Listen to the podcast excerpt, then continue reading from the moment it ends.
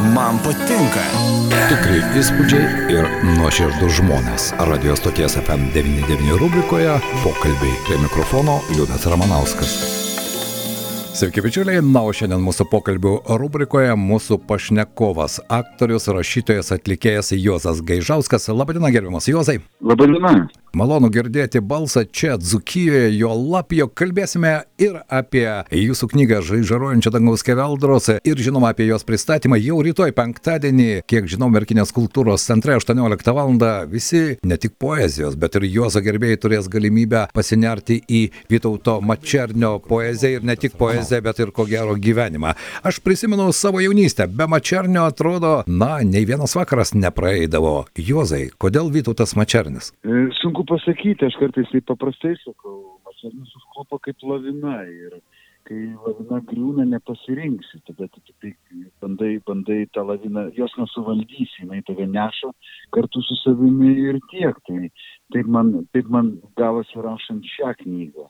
Kalnai knygų perskaitytų, kalnai poezijos perskaityta ten aš juokiausi, kad Mickevičiaus bibliotekoje Vilniuje buvo atidaryta atskira linija su prailgintų terminu, kur leidikla pasirūpino, kad aš turėčiau galimybę ilgai, išlė, ilgai ir išlėto tas knygas gliaudyti, kol, kol vieną dieną, kaip aš taip sakau, Mačernis man prabilo ir su manim pradėjo kalbėtis. Tai kai jisai su manim pradėjo kalbėtis, aš paėmiau ir užrašiau tai, ką jis kalba. Toje knygoje yra visi, absoliučiai visi Mačernio eilėrašiai. Nėra jo proza šį kartą. Taip, bet, bet absoliučiai. Mačernio eilėrašiai ir kartu yra tarsi mano knyga parašyta jo knygoje. Aha, čia tam tikra prasme tai vis dėlto yra pokalbis, ar ne? Taip, tai yra net ne tam tikra prasme, tiesiog ne prasme pokalbis tarp šiapus ir anapus, kur, kur aš kalbuosi su žuvusiu poetu e, ir mes kalbamės keiščiausiais dalykais ir apie keiščiausius dalykus. Mes juokaujame, mes pykstamės, mes baramės, mes konfliktuojame, mes džiaugiamės, mes šypsomės, mes kalbamės ir tuo pat metu pasakojame viens kitam, kas dedasi pasaulyje viename ir kitame. Tai yra, aš pasakoju, kas darosi šiame pasaulyje šiapus, kas apie jį girdėti šiapus, kaip jisai atrodo šiapus kitiems žmonėms, kaip man jisai atrodo šiapus. O tuo pat metu jis man pasakoja iš anapus, kaip atrodo poezija anapus, kad visos knygos, kurios dar tik bus parašytos šiapus, jis jau gali paskaityti anapus. Tokia keista Taip. mistinė knyga, kurioje yra daug kinematografinių vaizdų, pokalbių, tokių netikėtų dalykų, net, net galima sakyti, vietomis aš pats. E, aš nerašau eilėraščių, aš tik eiliuoju mačernio lūpomis. Arba parašau mačernio lūpomis, nu, kitokio būdo aš neturiu, arba aš eiliuoju prozą kartais sakau. Aš parašiau keurus sonetus kartu prie, prie mačernio, bet visur pažymiu, kur yra parašyta mano.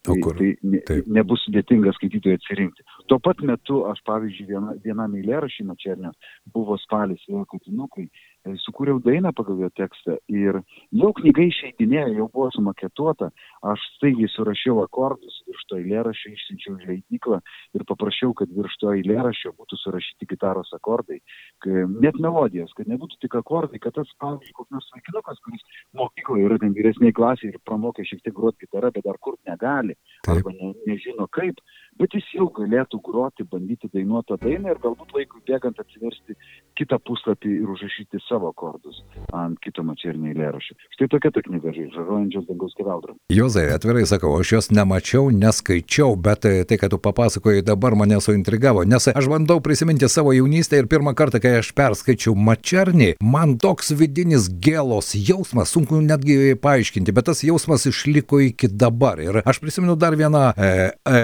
atvejį, jis toks keistas. Kolega Masalskis, prisimenate ko gero, ar ne, puikų aktorių, aš prisimenu tuos metus, buvo toks šaltokas vakaras, jis skaitė Mačernį ir tada sužinojome, kad mirė Brežnevas. Taip tą patį vakarą. Ir štai toks atrodo aplinkybių sutapimas, bet man ir išliko tas jausmas ir aš tikiuosi, kad paėmęs į rankas tavo knygą aš vėl sugrįšiu į tuos laikus. Bet knygos turinio mes nepasakosime. Aš nebejoju, kad tie, kurie iš tikrųjų, kuriems Mačianis kažką reiškia, rytoj atskubės į Merkinės kultūros centrą, beje, 18 val. Bet čia juk ne tik knygos pristatymas. Juozai, esi ne tik rašytojas, tu ir dainuoji, tu yra aktorius.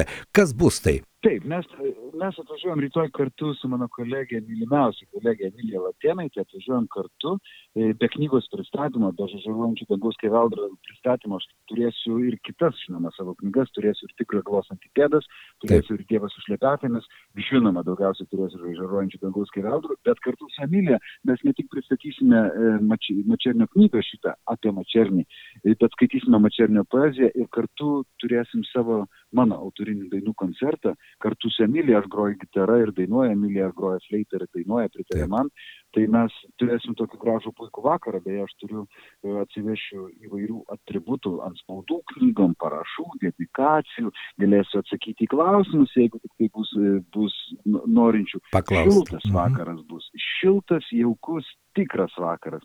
Mes kartais taip perspėjom žmonės, atsargiai, sakom, atsargiai, vakaras gali paliesti. Ypatingai kalbant apie tą gėlą, nes Mačernis toks yra ir aš atsimenu, kai leidyklą išsiunčiau savo knygą, aš naktį išsiunčiau, savaitę dėl savo nes bijojau, kad man pasakys, kad aš esu bepratis parašęs tokį dalyką.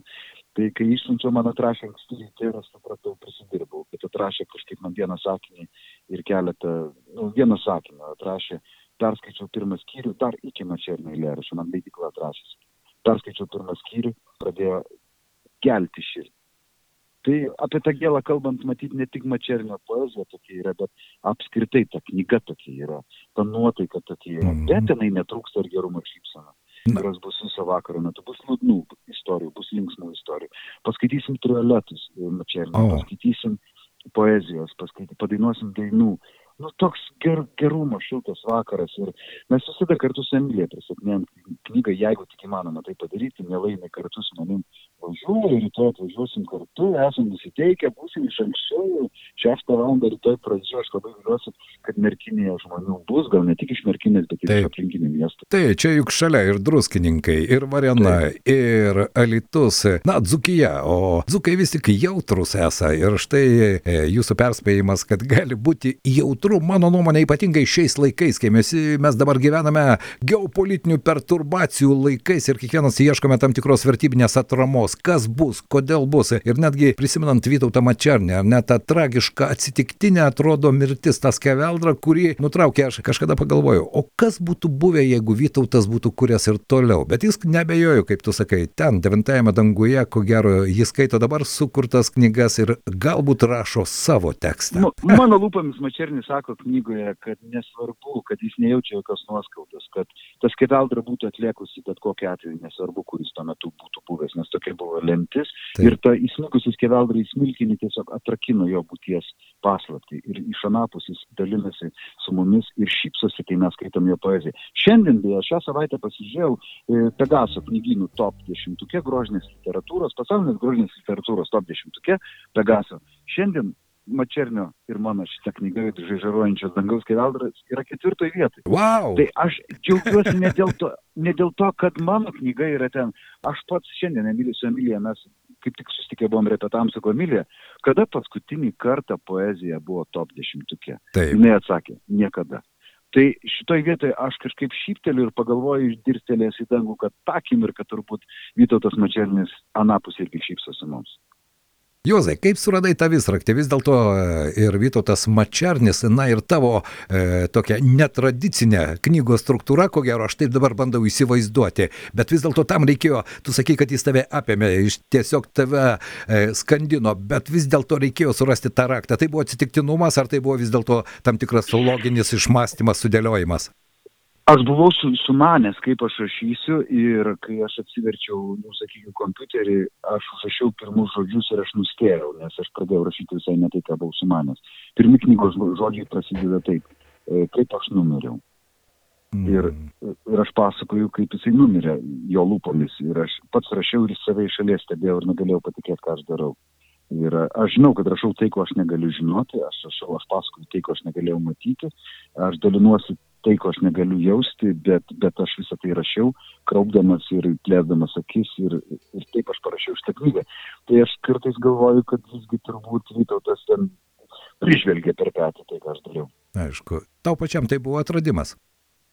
Nu, man buvo didžiulė nuostaba, nes, nu, tai paprastai nebūna, nu, negali sugalvoti, kad rašai tai, ko visai nesitikėjai pats. Paprastai tu vis tiek labiau kontroliuoji save, labiau, labiau žinai, tai nebuvo kažkoks spontaniškas rašymas bet ko nežinant ką. Taip. Ne, tu tarsi žinai, ką rašai, žinai, bet, bet tu tarsi stebi save iš šalies ir rašai ir galvoji, pala, pala, aš visai netai buvau sumastęs ir visą rašai kitaip negu buvai sumastęs. Tai, tai, tai šitoj vietoj. Bet keistuma, bet kita vertus aš taip paprastai sakau, a, jautriau aš nemokėjau. Aš parašiau jautriausiai, kaip moku. Aš nežinau, kaip skaitytojas tai mhm. vertins ar kaip jis tą pajus, bet, bet aš rašiau tą knygą su tokiu virpuliu, su tokiu virpesiu ir aš taip džiaugiuosi, kad kažkaip surezonavo, surezonavo su skaitytojais, kad iškėlė tą knygą į, į top dešimtuką. Mm. Pristatymas, kuris buvo Vilniuje, Mo, Mo, Mo muziejuje, ar ne? Sausio 12, kada buvo laužų, irgi, nu, to, tokia mačernė tada, atsitiktinė mirtis ir visur labai koreliuoja, irgi rezonuoja. Ir aš atsimenu, stovėjau pusvalandį prieš renginį prie mo muziejaus ir galvoju, palauk, dabar tūkstančiai žmonių, man Andrius Mamadovas paskambino, sako, gal jūs negalėsite ateiti, nes aš pats koncertuoju. Opa, aš galvoju, ten tūkstančiai žmonių, kas čia ateis į tą poezijos knygos pristatymą. Aš stovėjau ir taip, nu, liūdnai šipsojausi. Ir po to, kai buvo pilnutėlė salė su pristatomam kėdėm ir stovinčiai žmonėm, pilna jaunų žmonių, nu, kažkoks toks gerumo jausmas yra tada, kai tu supranti, kad yra žmonių, ne taip. tik skaitančių knygų, bet yra žmonių mėgstančių poeziją, ją skaitančių, jos laukiančių. Ir statome, tai yra gera ir aš to gerumu noriu kartu su Emilija rytoj pasidalinti su visais žmonėmis, kurie atvyks į merkinę. Aš jaučiu, kad tai yra iš tikrųjų tikra. E, netgi iš tavo kalbėjimo aš jaučiu, kad tai buvo, na kaip pasakyti, atvi, neatvira širdis, kaip banaliai tai beskambėtų, bet visa tai buvo rašoma su labai plona oda, ar ne, kurią pasižymė kuriantys žmonės. Ne visi galbūt, bet jūs, aš puikiai suprantu, kad tavo gyvenimas yra suskirstytas e, minutėmis kaip ir mūsų, mes eteriai irgi skaičiuojame sekundės, bet mane dar sudomino domino dar vienas dalykas. E, šio pristatymo metu bus galima išvysti, atrodo, visiškai nesuderimą dalyką. Karpinių parodą, tu kažką girdėjai apie tai? Taip, aš žinau, kad ten, bus Mačernio, kad būtent karpinių paroda su Mačernio susijusi. Aš žinau, kad tai bus ir man nepaprastai smalsu pačiam. Tai už tai mes rytoj atvažiuojam su Emilija šiek tiek anksčiau, kad pasižiūrėt, kas ten bus, kaip ten viskas vyks nes man iš tiesų patiems smalsu, bet man regis tikri dalykai sukrenta taip, kaip turi sukristi. Taip. Turbūt taip turėjo būti. Turbūt tai bus irgi ypatingi karpiniai, kurie, kurie sudomins visus ten esančius. Jozai, ačiū šiandien, kad suradai laiko, man buvo labai smagu pakalbėti ir apie tavo knygą, ir apie tą jautrumą, kuris, mano nuomonė, šiais laikais iš tikrųjų yra didelė vertybė, kurią reikia saugoti ir dalintis, o Jozas Gaižauskas tai moka daryti. Dėkui už pokalbį. Ačiū Jums. Radio stoties FM99 pokalbių rubrikoje noriu priminti, jog jau rytoj sausio 28 dieną kviečiame pasimatyti Merkinės kultūros centre. Čia 18 val. aktorius, atlikėjas, rašytojas Jozas Gaižauskas pristatys savo trečiąją knygą Žaižaruojančios dangaus keveldros. Taip pat, kaip minėjau, čia bus atidaryta ir, atrodo keista, karpinių paroda aš atnešiau jums Saulės patekėjimą, kuri taip pat skirta atminti Vytautą Mačernį. Na, o kartu su Juozu atvyks ir aktorė, atlikėja Emilija Latienaitė, jie kartu pagros, padainuos, pakalbės, pasidalins. Ir pats knygos formatas, jeigu taip galima banaliai pasakyti, iš tikrųjų mane labai sudomino, nes ar mirė poetai verkia ir kodėl anapus galima paskaityti dar neparašytą parašytas knygas. Visą tai bus galima sužinoti jau rytoj merkinėje. Tikrai įspūdžiai. Tikrai įspūdžiai ir nuoširdus žmonės. Radio stoties FM99 rubrikoje pokalbiai prie mikrofono Liudas Ramanauskas.